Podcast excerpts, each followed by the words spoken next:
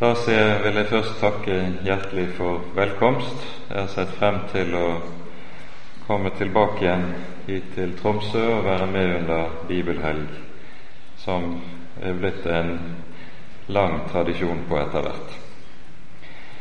Dette året skal vi være sammen om eh, noen av fedrene i Første Mosebok. Vi skal ha to bibeltimesamlinger om Abraham og to om Jakob. Og Disse to skikkelsene er jo to av de helt sentrale som vi møter i vår bibel.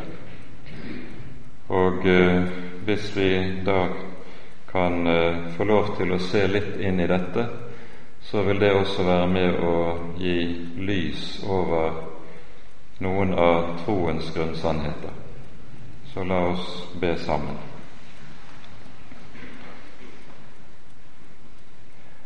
Så takker og lover vi deg, Hellige Gud, for all din nåde og for all din godhet imot oss. Takk mest av alt for ditt hellige evangelium, evangeliet om din Sønn og frelsen i ham. Nå ber vi, Herre, at du vil sende din gode Hellige Ånd, og la oss få ha lys i dine ord vil du også gi oss den stillhet i våre hjerter der du selv kan tale. Amen. Som eh, dere alle vil vite, så kalles Abraham i romerbrevet for de troendes far. Og det er fordi vi i ham får tegnet det første bildet i Skriften av hva troen er, og hvorledes troens liv ser ut. Og Det som er verd å legge merke til, det er at når Paulus henter frem Abraham både i Romerbrevet og Galaterbrevet som skriftbevis på undervisningen om rettferdiggjørelsen av tro. Da gjør Paulus det som profeten Jesaja minner oss om allerede i det 51. kapittel i Jesaja-boken. Her hører vi det sies følgende Hør på meg, dere som jager etter rettferdighet dere som søker Herren. Se på det fjell som dere er hogget ut av, og den brønn dere er gravd ut av. Se på Abraham, deres far, og Sara som fødte dere. For da han enda bare var én, kalte jeg ham, og jeg velsignet ham og gjorde hans ett stor for Herren trøster Sion, trøster hennes ruiner, og gjør ørkenen der lik eden og ødemarken lik edens Herrens hage. Fryd og glede skal finnes der, takk og lovsang. Det som profeten her peker på, det er nettopp en viktig side ved Abrahams tro som eh, vi får vist oss gjennom beretningen i Første Mosebok, nemlig at Abraham vandrer i tro uten å se. Og Dette er en helt avgjørende side ved troen, slik den skildres for oss, noe vi skal se nærmere på i kveld. Men vi begynner i Første Moseboks tolvte kapittel, der vi første gang møter Herrens kall til Abraham. Abraham er jo så vidt omtalt på slutten av kapittel 11. Han er den tiende, det tiende leddet etter Noah. Og eh, så kommer de tre første versene i kapittel 12. Herren sa til Abraham, dra bort fra ditt land, fra din slekt og fra din fars hus til det land jeg vil vise deg. Og jeg vil gjøre deg til et stort folk. Jeg vil velsigne deg og gjøre ditt navn stort, og du skal bli en velsignelse. Jeg vil velsigne dem som velsigner deg, og den som forbanner deg, vil jeg forbanne. Og i deg skal alle jordens slekter velsignes. Med dette er det den egentlige historien om Abraham begynner. Den begynner med Herrens kall til Abraham. Herrens ord kom til ham, og det lød så:" Dra bort. Og kallet møter altså Abraham som et kall til oppbrudd. Og hvor radikalt dette oppbruddet er for Abraham, det er ikke så lett for oss å forestille oss. I det samfunn der Abraham er vokst opp, i et stammesamfunn, der betyr slekten og farshuset overmåte mye. Slekt og farshus representerer alt som har med trygghet å gjøre, med røtter og forankring i tilværelsen. For var du ikke der familien og slekten var, så var man utlevert og fritt vilt dersom en vandret omkring på egen hånd. Abraham vet meget godt at det å gjøre slik Herren her befaler ham, det er å kaste seg ut i det store uvisse. Det underlige som vi ser allerede i det første verset, det er at Abraham får ikke engang vite hvor han skal dra. Det sies kun til ham dra av sted til det land jeg vil vise deg. Så han må bare bryte opp, dra en dagsmarsj av gangen og så forvente at Herren kommer til ham og sier ifra hit er det du skal. Også på denne måten drar han ut på det uvisse. I tillegg skal vi også merke oss at det som sies her, det er ikke at Herren sier 'dra av sted til det land jeg vil gi deg'. Det sies ikke. Det sies 'til det land jeg vil vise deg'. For Abraham får ikke landet når han til slutt ankommer til det lovede land. Så kommer han dit som pilegrim, som vandringsmann. Det er først hans etterkommere, mange ledd senere, som får landet til arv og til eie. Abraham for sin egen del, han får kun se landet. Og Allerede i dette så hører vi noe som understrekes meget sterkt i Hebreabrevet i det ellevte kapittel, der det taler om troens fedre i den gamle pakt. Og så står det slik fra vers 8 i Hebreerne 11. Ved tro var Abraham lydig da han ble kalt, så han dro ut til det sted han skulle få til arv. Han dro av sted uten å vite hvor han skulle komme. Ved tro levet han i løftets land som i et fremmed land. Han bodde i telt sammen med Isak og Jakob, som var medarvinger til det samme løftet. For han ventet på byen med de faste grunnvoller, den som har Gud til byggmester og skaper.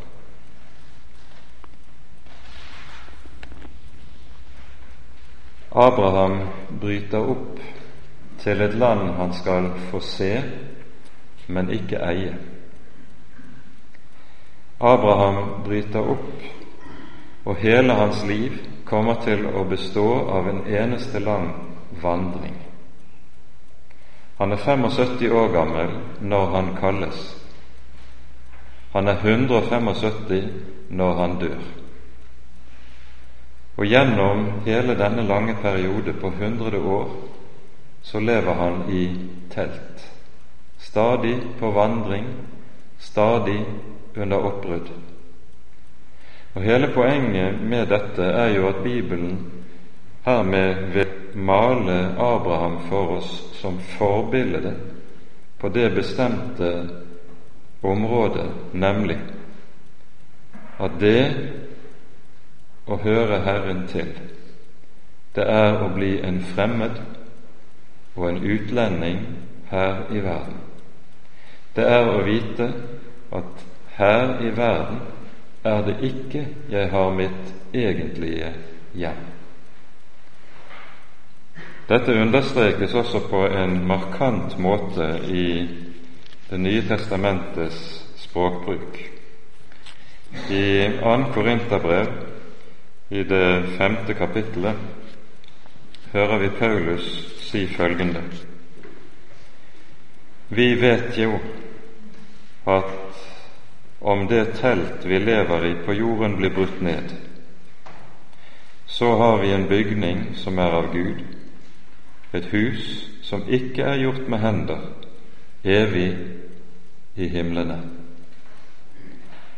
Her sammenlignes altså livet vårt her i verden med det å bo i telt, slik som vandringsmannen, nomaden, alltid gjør.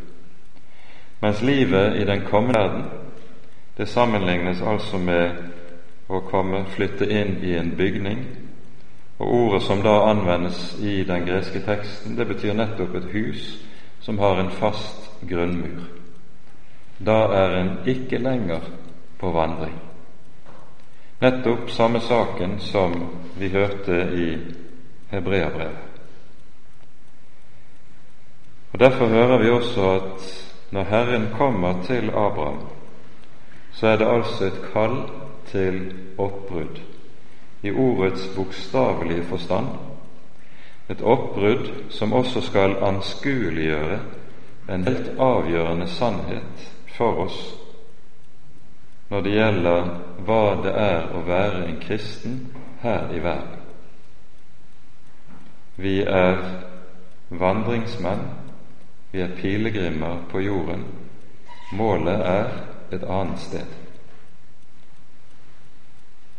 Dra bort fra ditt land, fra din slekt og fra din fars hus til det land jeg vil vise deg.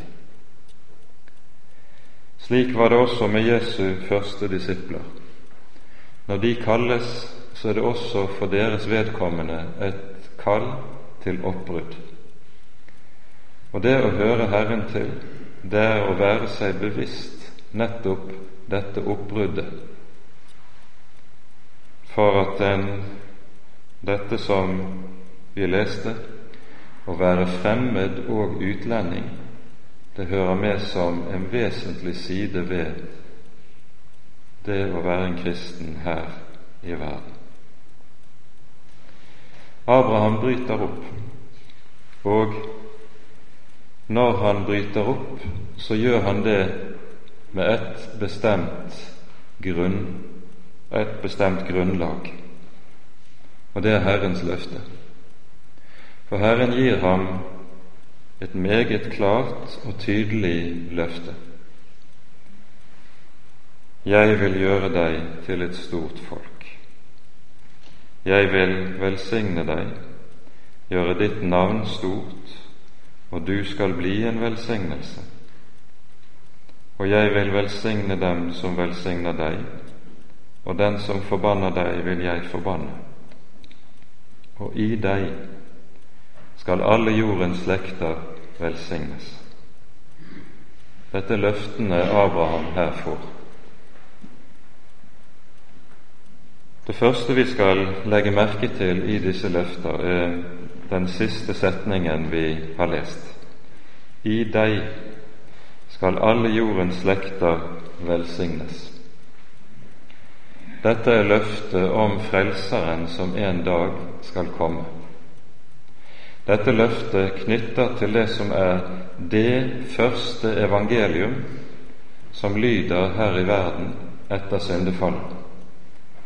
Når Herren i domsordene over slangen sier følgende Jeg vil sette fiendskap mellom din, slangens ett, og kvinnens ett.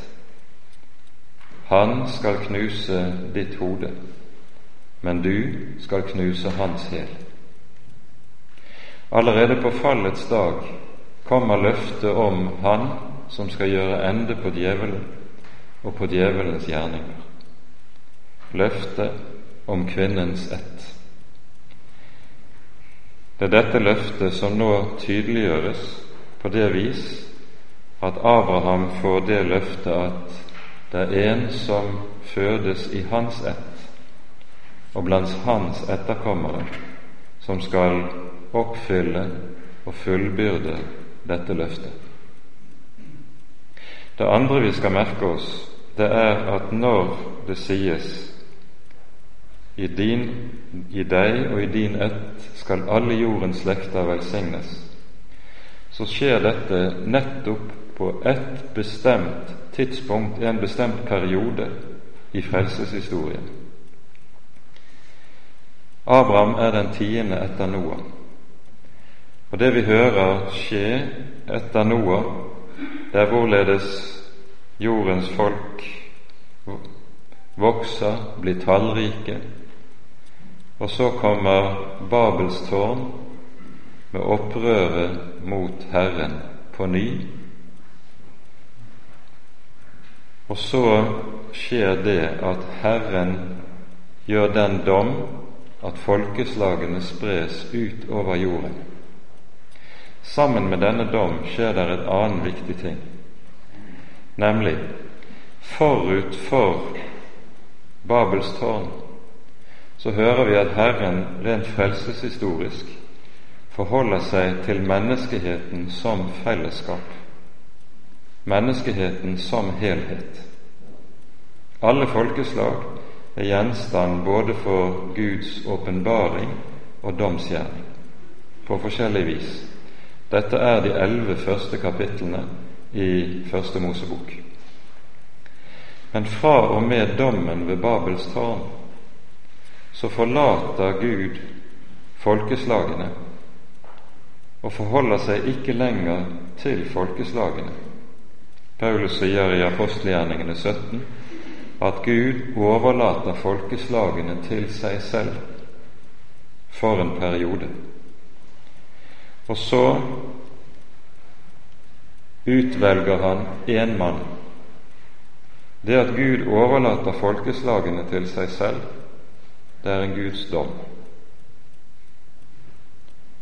Og samtidig med denne domshandling så utvelger Herren Abraham for gjennom Abraham og Abrahams slekt å forberede nettopp folkeslagenes frelse, de som for en tid forlates og forkastes. Med Abraham begynner Israels tid i frelseshistorien som varer frem til pinsedag. På pinsedagen begynner den nye tid, som kalles hedningenes tid, da Herren på ny forholder seg til alle folkeslag under himmelen. Alle kalles inn til ham under forkynnelsen av evangeliet. Men med Abraham begynner altså denne forberedelsestid Herren skiller ut én mann for gjennom ham og hans slekt å forberede frelsen som skal fullbyrdes. I deg og i din ett skal alle jordens slekter velsignes, lyder løftet. Det som er den røde tråd i fortellingen om Abraham, og senere om Isak og om Jakob, det er nettopp dette løftet. Alle jordens slekter skal velsignes.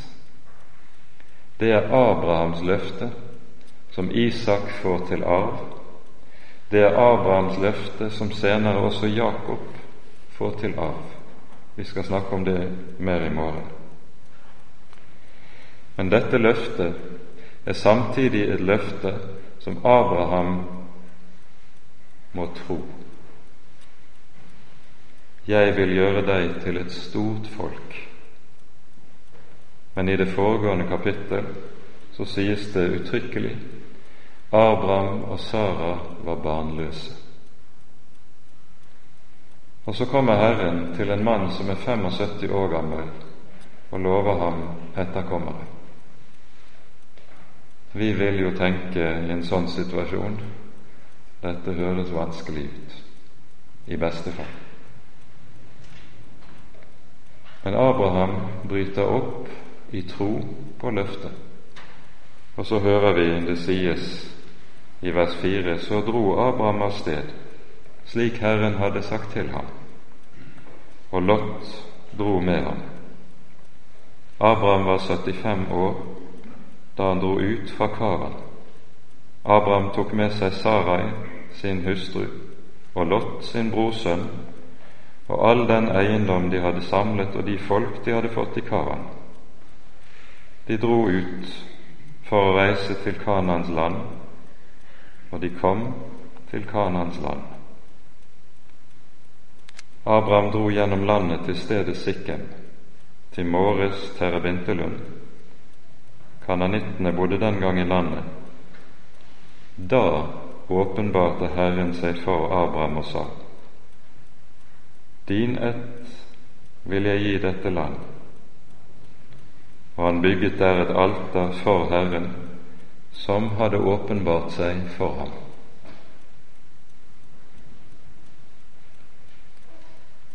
Dra av sted til det land jeg vil vise deg. Det var ordet til Abraham. Nå kommer Herren og viser ham landet.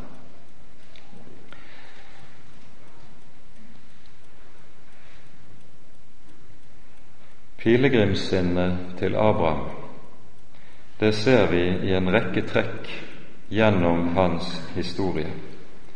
Og jeg vil peke på et par viktige trekk som vi møter.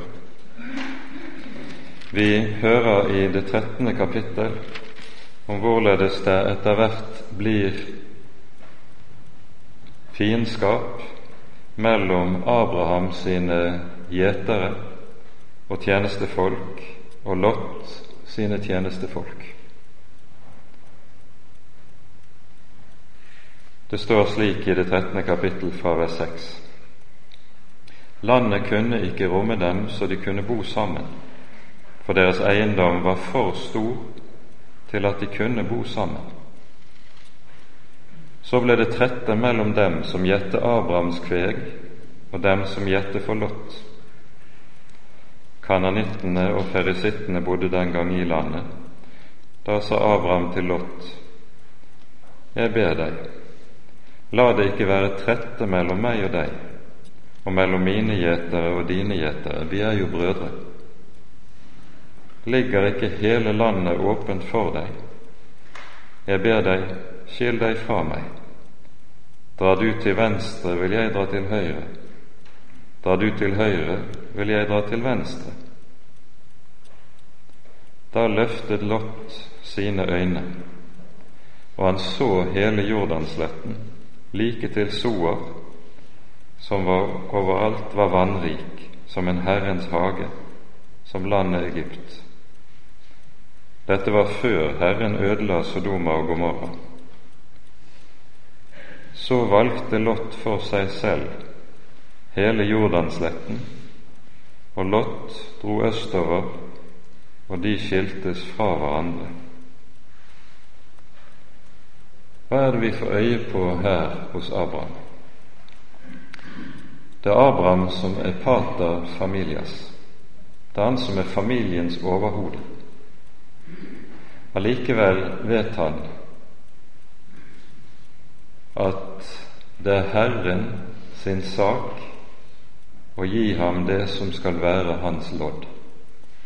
Han kan ikke for sin egen del selv velge seg ut arv og eiendom i landet. Og Derfor gjør han det som er helt uhørt ved denne anledning. Han sier til Lot, vær så god, velg du. Og Lot er en herre som helt tydelig har øye for hva som lønner seg, hva som vil gi fortjeneste og velstand. De står i skråningene som vender østover mot Jordandalen, og ser hvor fruktbar dalen der er. Og Lot skjønner dette kan virkelig lønne seg. Og så sies det om Lot at Lot valgte for seg. Og hvordan det går med Lot, vet vi. Han ender opp med å slå seg ned i Sodoma. Og den utgangen på det er ikke god for hans vedkommende. Abraham han velger ikke for seg. Han vet en bestemt ting. Har Herren gitt et bestemt løfte, så er det Herren som også skal fullføre og oppfylle dette løftet. Dette kommer enda sterkere til uttrykk når vi så kommer til det 14. og 15. kapittel. Her hører vi om hvorledes uh, der kommer en konge fra uh, landområdene rundt uh, Babel, Kedur Loamer. Han erobrer byene på sletten ved Dødehavet, Sodoma og Gomorra, fordi de har nektet å betale ham skatt. Og så blir Lot og hele hans hus ført bort som krigsfanger for hos kong Kedur Loam. Abraham får høre dette, samler i hast en styrke på 318 mann og setter etter for om mulig å kunne befri sin brorsønn. De faller over røverhæren om natten, beseirer den, og så kan alle krigsfangene settes fri. Og så, på tilbakeveien, så kommer de innom Salem, møter Melkisedek, og så lyder det fra vers 21 i kapittel 14. Kongen av Sodoma sa til Abraham, Gi meg folket, og ta du godset. Men Abraham sa til kongen av Sodoma, jeg løfter min hånd til Herren, den høyeste Gud, Han som eier himmel og jord. Ikke så mye som en tråd eller en skorem vil jeg ta av alt som er ditt, for at ikke du skal si, Jeg har gjort Abraham rik. Jeg vil ikke ha noe, bare den mat som mine folk har ett, og det som faller på de menn som dro ut med meg Aner, Eshkol og Mamre, la dem få sin del. Det er noe dypt symbolsk i dette at Abraham sier nei til Sodomas skatter, på samme måte som han også sa nei til en god anledning til å berike seg i kapittelet foran, der vi hørte om Lot. Han sier nei til Sodomas skatter. For det som nå følger, her skal vi minne om at i den originale bibelteksten så er det jo ingen inndeling i kapitler. Teksten løper bare fortløpende uten kapittelinndeling. For hva er det som nå følger? Der står det i første verset i kapittel 15 følgende Etter at dette var skjedd, kom Herrens ord til Abraham i et syn, og det lød slik:" Frykt ikke, Abraham, jeg er ditt skjold, din lønn skal være meget stor. Dette kan antagelig bedre oversettes som følger, nemlig at Herren sier til Abraham, frykt ikke, Abraham, jeg er ditt skjold og din meget store lønn. For det er det som er saken. Abraham lever som pilegrim, lever i telt, stadig på vandring, uten fast bolig, uten en fast del i denne verden. Og så kommer løftet 'Jeg er din meget store lønn'. For det er nettopp det som ligger i løftet som Abraham har fått, at Herren selv vil være hans del og hans lodd.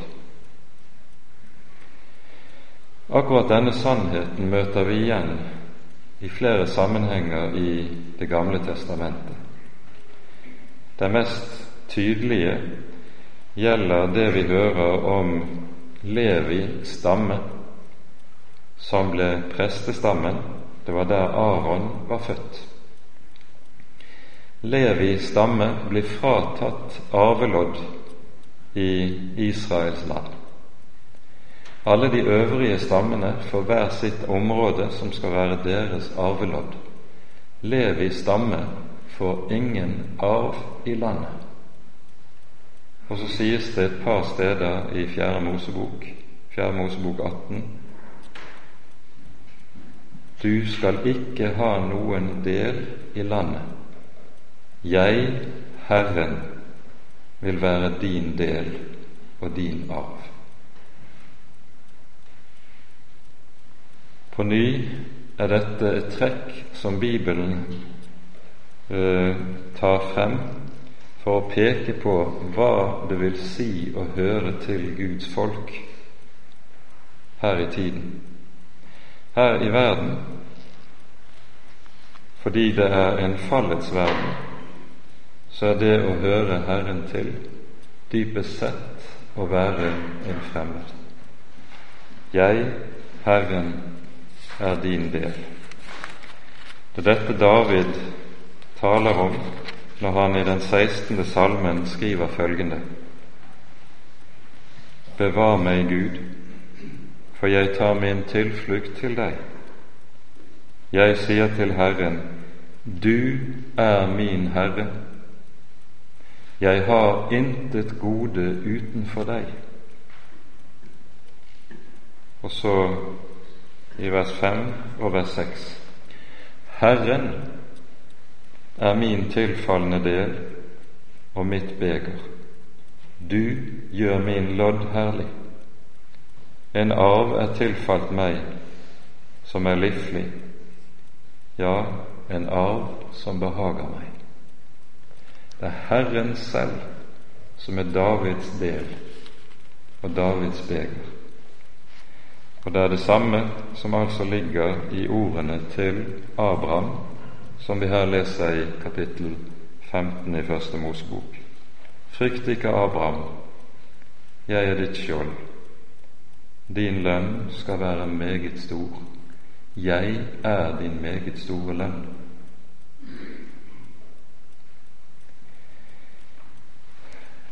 Med det vi så hører i fortsettelsen, så hører vi Abraham setter ord på noe som er blitt en større og større nød for ham. Da sa Abraham, Å Herre, Herre, hva vil du gi meg? Jeg går jo barnløs bort, og den som skal overta mitt hus, er Elieser fra Damaskus.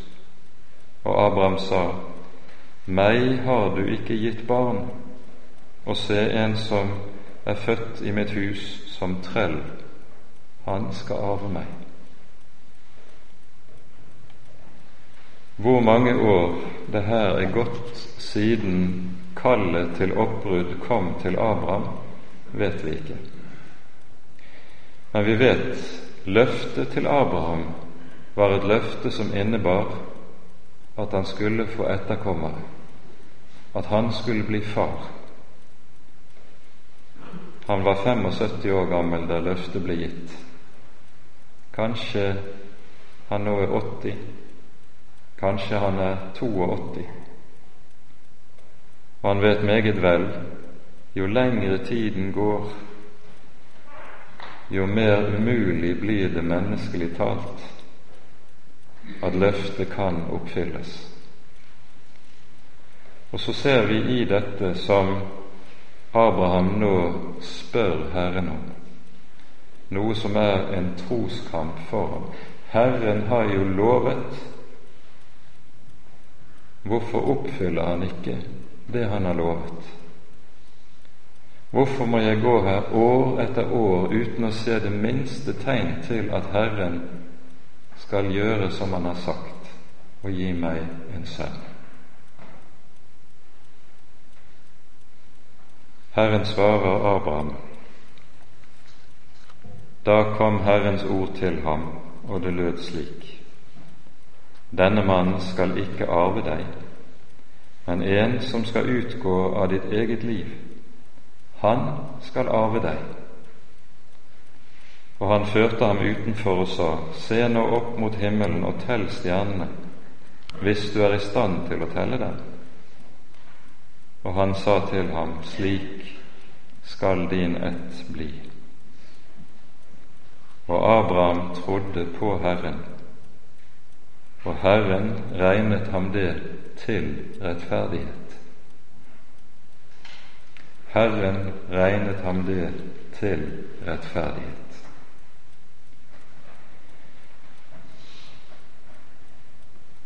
Og Dermed er vi fremme ved det ordet som siteres av Paulus både i Romerbrevet og Galaterbrevet, og som tegner for oss troens rettferdighet. Og vi forstår ut fra denne, dette bakteppet som vi her har pekt på, det er at troen er ingen lett og enkel sak for Abraham. Det er lett nok å tro hvis troen kan støtte seg på noe synlig og ytre, sånn at en vil kunne si at menneskelig talt er det ganske sannsynlig og rimelig at det Herren har lovet, vil komme til å skje. Men hvis det menneskelig talt er umulig, da er troen slett ingen enkel sak. Abraham trodde Herren, og det ble regnet ham til rettferdighet. Abraham har fått et ord fra Gud, og dette ord og dette løftet klynger han seg til. For det er jo det tro er. Det er nettopp å klynge seg til Herrens ord og løfte, også der det ser så ganske umulig ut. Nå skal vi imidlertid være klar over at Abrahams tro fortsatt kjemper, og fortsatt står også på mange måter i stor uklarhet. Det ser vi av det følgende kapittel. Når vi nemlig kommer til kapittel 16, da er Abraham blitt 85 år gammel. Det er ti år siden han dro ut. Ti år er det gått siden Herren ga sitt løfte. Kanskje et par år siden løftet ble fornyet, slik vi hører det i kapittel 15. Fortsatt er det ingen tegn til at Herren vil gjøre som Han har sagt. Og nå, nå er det at både Abraham og Sara føler at tiden, klokken tikker. Hvis de ikke gjør noe nå, så vil det være for sent. Hvis vi ikke nå foretar oss noe, så vil det bli umulig at Herren kan oppfylle sitt løfte. Kanskje Gud hadde tenkt at vi skulle gjøre noe selv. Kanskje det er det som er tanken som ligger hos Abraham. Kanskje Gud hadde ment at vi burde tenke gjennom ting på egen hånd for at løftet skulle oppfylles. Og så gir Sara en trellkvinne til Abraham som medhustru. Kanskje jeg kan få et barn gjennom henne. Dette var en vanlig måte å gjøre det på i den gang, det vet man fra andre historiske kilder. Dersom en kvinne ikke fikk barn, så kunne hun gi sin mann en medhustru og få etterkommere gjennom denne medhustru. Så Det var vanlig praksis i samtiden, dette. Og hva er det som ligger bak når dette altså skjer? Det er jo nettopp tanken at hvis Gud har lovet noe, så er Gud avhengig av at vi hjelper ham på vei. Det er den tanke som altfor ofte ligger oss nær. Og så fødes altså sønnen Ismael, født av trellkvinnen, født av Hagar. Og hva sier Paulus om dette? Ismael er født etter kjødet.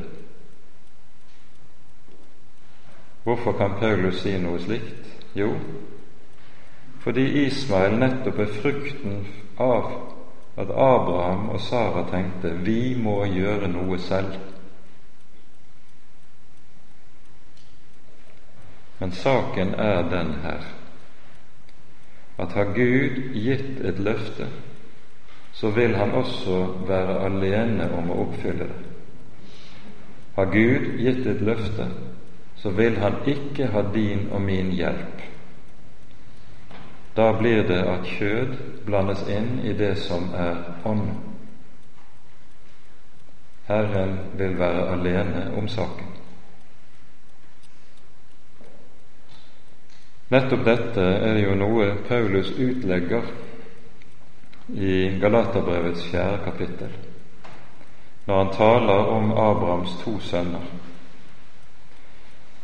Ismael fødes, han oppdras og vokser til i Abrahams hus, og Abraham tenker gjennom hele oppveksten her tydeligvis at det er Ismael som er den lovede arving. Men så skjer det altså noe når Abraham er 99 år gammel. Herren kommer på besøk. Vi leser om dette i kapittel 18 i Første Mosebok. Abraham er blitt 99 år gammel.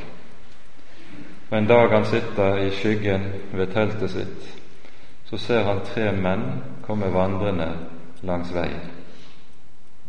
Det er Herren fulgt av to av hans engler.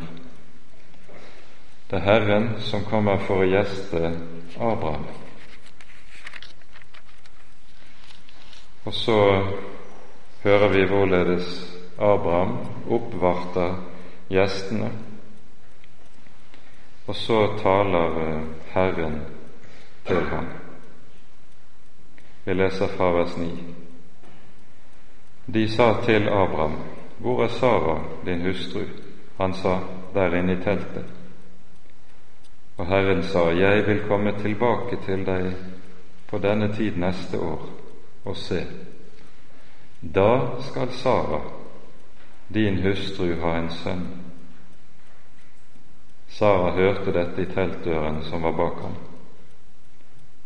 Nå var Abraham og Sara gamle, langt oppe i årene, og Sara hadde det ikke lenger på kvinners vis. Derfor lo Sara ved seg selv og sa:" Skulle jeg, når jeg er blitt gammel, føle lyst, og Herren min er også gammel? Da sa Herren til Abraham:" Hvorfor ler Sara og sier:" Skal jeg virkelig føde barn når jeg er blitt gammel? Skulle noen ting være umulig for Herren? På den bestemte tid vil jeg komme til deg igjen på denne tid neste år, og da skal Sara ha en sønn. Sara nektet og sa, Jeg lo ikke, for hun var redd. Da sa Herren, Jo, du lo.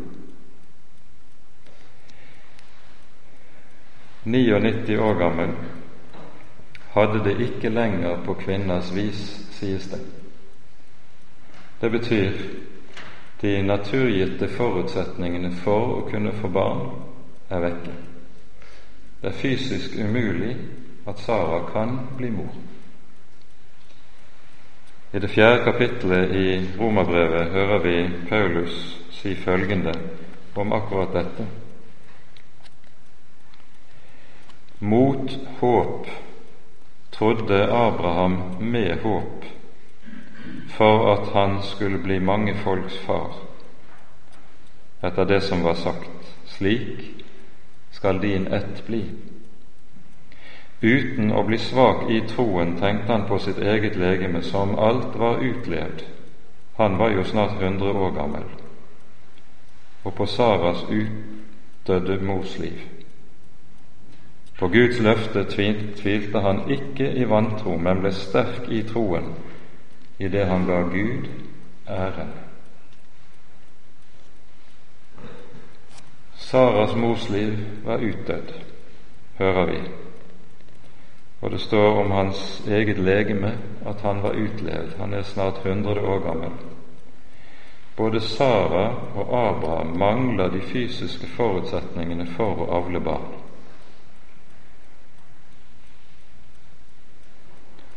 Og så ser vi dette forunderlige trekket.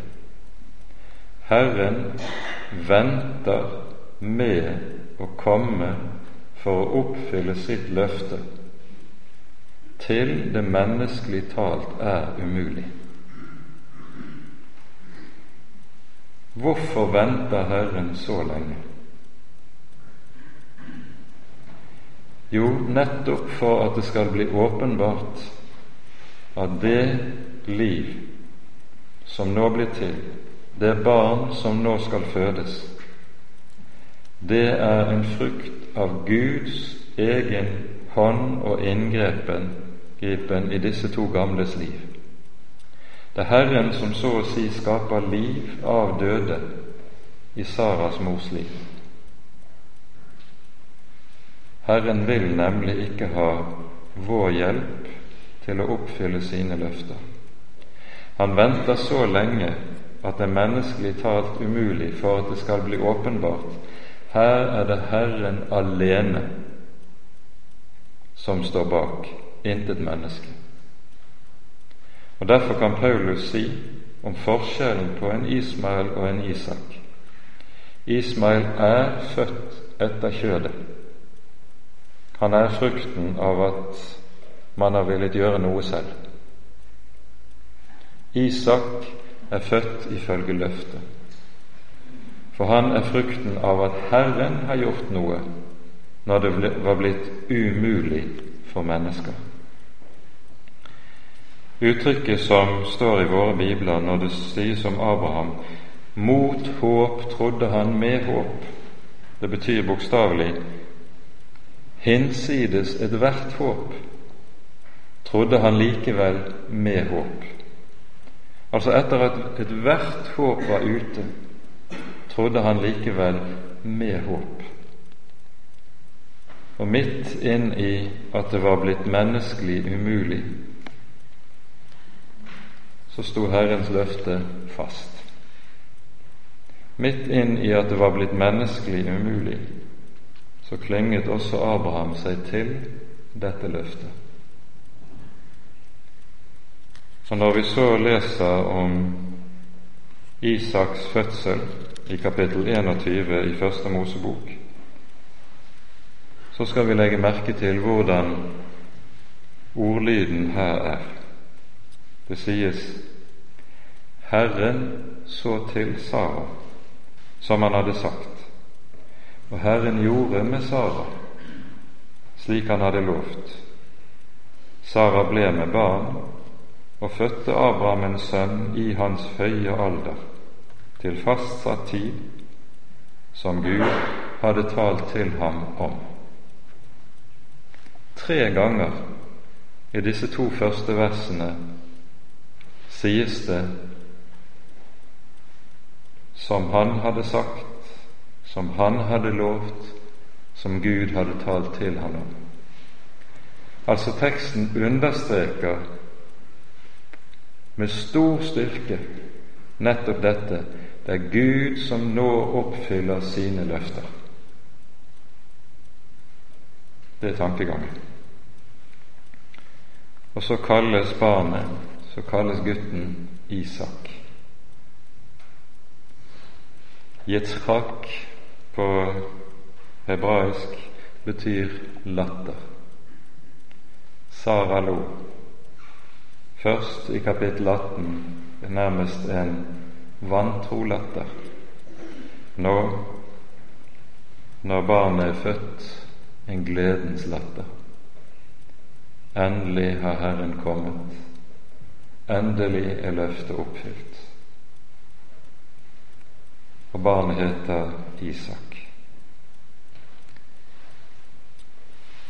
Når Paulus skriver om dette i Galaterbrevets fjerde kapittel, så setter han disse to sønnene til Abraham, Ismael og Isak, opp mot hverandre som typer, som forbilder.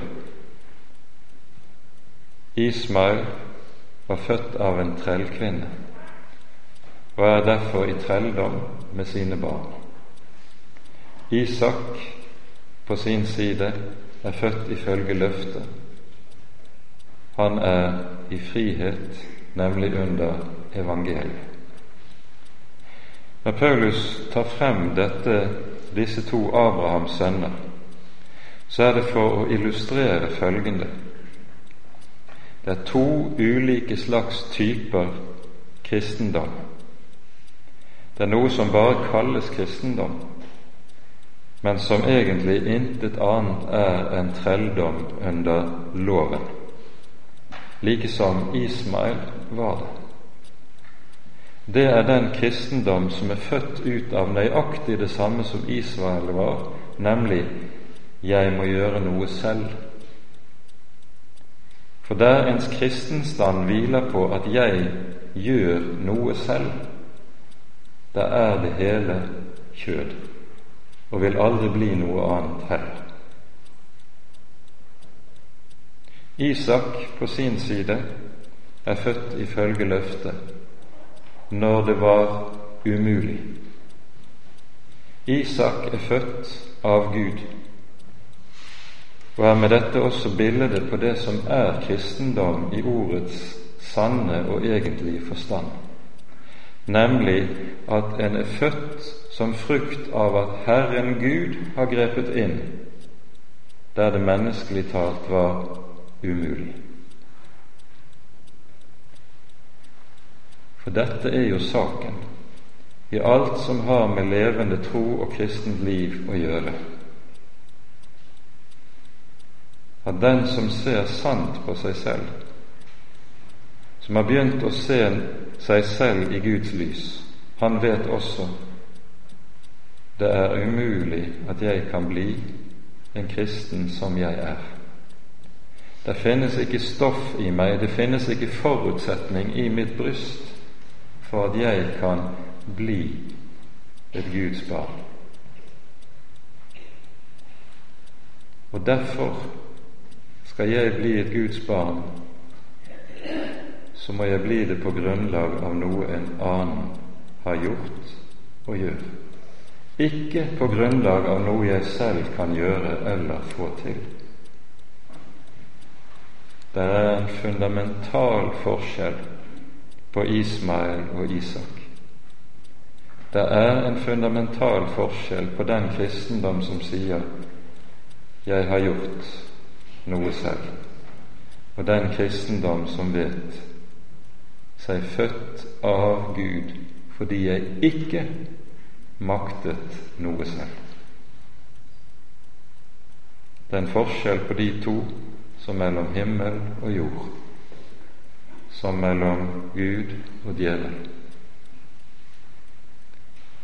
For alt som er av Gud, det fødes av, ut av intet. Det er dette som fortellingen om Abrahams to sønner, Ismael og Isak, skal peke på for oss. Og Med dette så ser vi også en helt fundamental side ved hva troen er for noe slik som Bibelen maler dette for våre øyne. Tro er å tro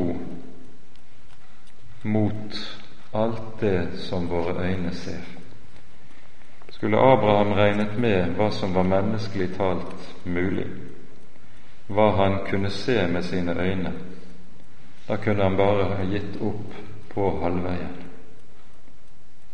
Det Abraham må gjøre, det er at han må holde seg til Guds ord, selv om hans øyne, selv om hans erfaring, selv om hva han ser og føler, sier det stikk motsatte. Han må holde seg til Guds ord og Guds løfte. Da er altså troen ingen enkel sak. Da er troen dette som også understrekes for oss i Hebreabrevets ellevte kapittel. Tro er visshet om ting som ikke sees.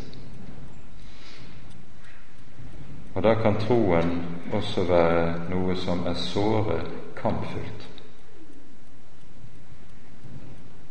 Såre kampfylt. Da er troen ingen lettvint sak som du av og til kan høre det i våre dager. Å tro er ikke vanskelig, det er noe annet som man syns er atskillig vanskeligere. Den som sier slikt, aner lite om troen og hva troen er for noe. Mot håp trodde han med håp, sies det. I dette ligger jo også det som er ordet til et kristent menneske som er havnet i anfektelsen. For hva dreier anfektelsen seg om? Den dreier seg nettopp om den kamp at en tenker med seg selv jeg kan umulig være en kristen slik som jeg er. Med det jeg har i mitt bryst, det jeg har falt i, eventuelt av svikt eller synd. Det er umulig at jeg kan være en kristen slik jeg kan være. Da er det at Den hellige Skrift maler for våre øyne på ny og på ny. Skal du være et Guds barn, så kan du være det ene og alene på grunnlag av hva en annen har gjort, ikke hva du selv er, eller hva du selv har gjort. Det er ikke din lydighet som gjør deg til et Guds barn. Det er ikke din helliggjørelse som gjør deg til et Guds barn. Å falle i synd er synd. Ja, det er synd.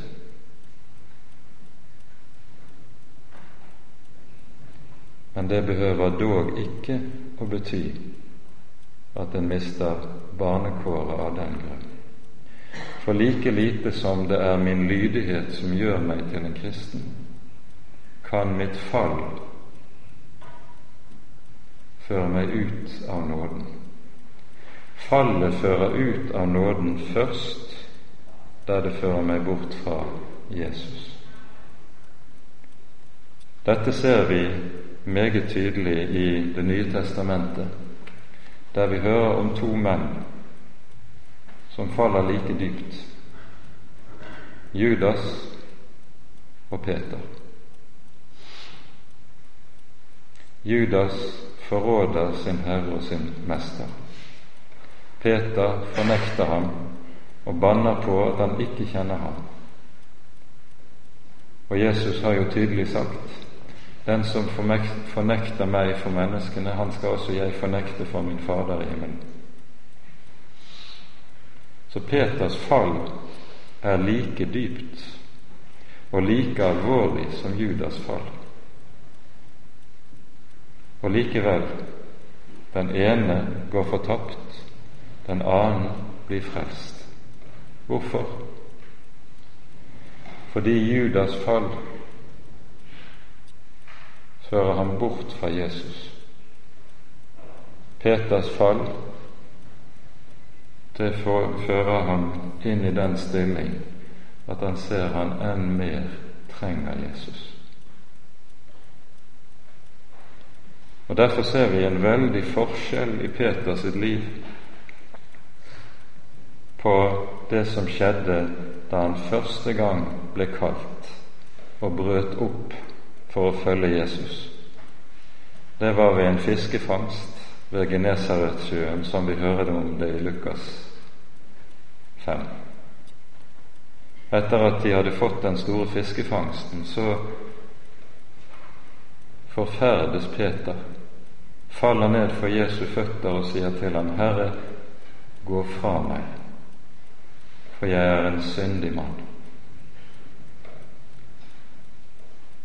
Tre og et halvt år senere, etter langfredag og etter oppstandelsen, er de på ny ved Genesaretsjøen. På ny får de på Jesu ord en veldig fiskefangst. Og når Peter skjønner at det er Jesus som står inne på stranden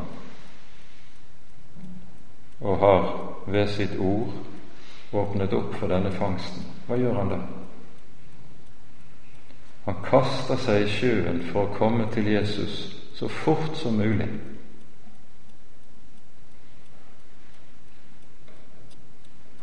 Nå er det like som han sier det motsatte av det han gjorde tre og et halvt år tidligere.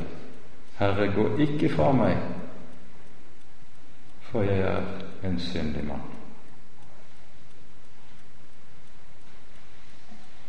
Det å være en kristen, det er å ha fått lov til å få øye på den store hemmelighet at Jesus som Guds hellige tar seg av syndere. Og Derfor går det an å tro med håp mot håp, like som Abraham gjorde det. En Ismail vil miste motet i denne sammenheng, for han vil hele tiden tenke det var meg det kom an på. Men Isak behøver ikke det, for han vet at det var en annen det kom an på. Han som er Herre, og om hvem det sies i Romerbrevets åttende kapittel. Det som var umulig for loven fordi den var maktesløs på grunn av kjødet, det gjorde Gud. Det gjorde Gud i det han sendte sin sønn i syndig kjøds lignelse. Og dette er det det alltid koker ned til. Det som var umulig for loven, og derfor umulig for deg og meg. Det gjorde Gud. Det er det som er trøsten til å leve på.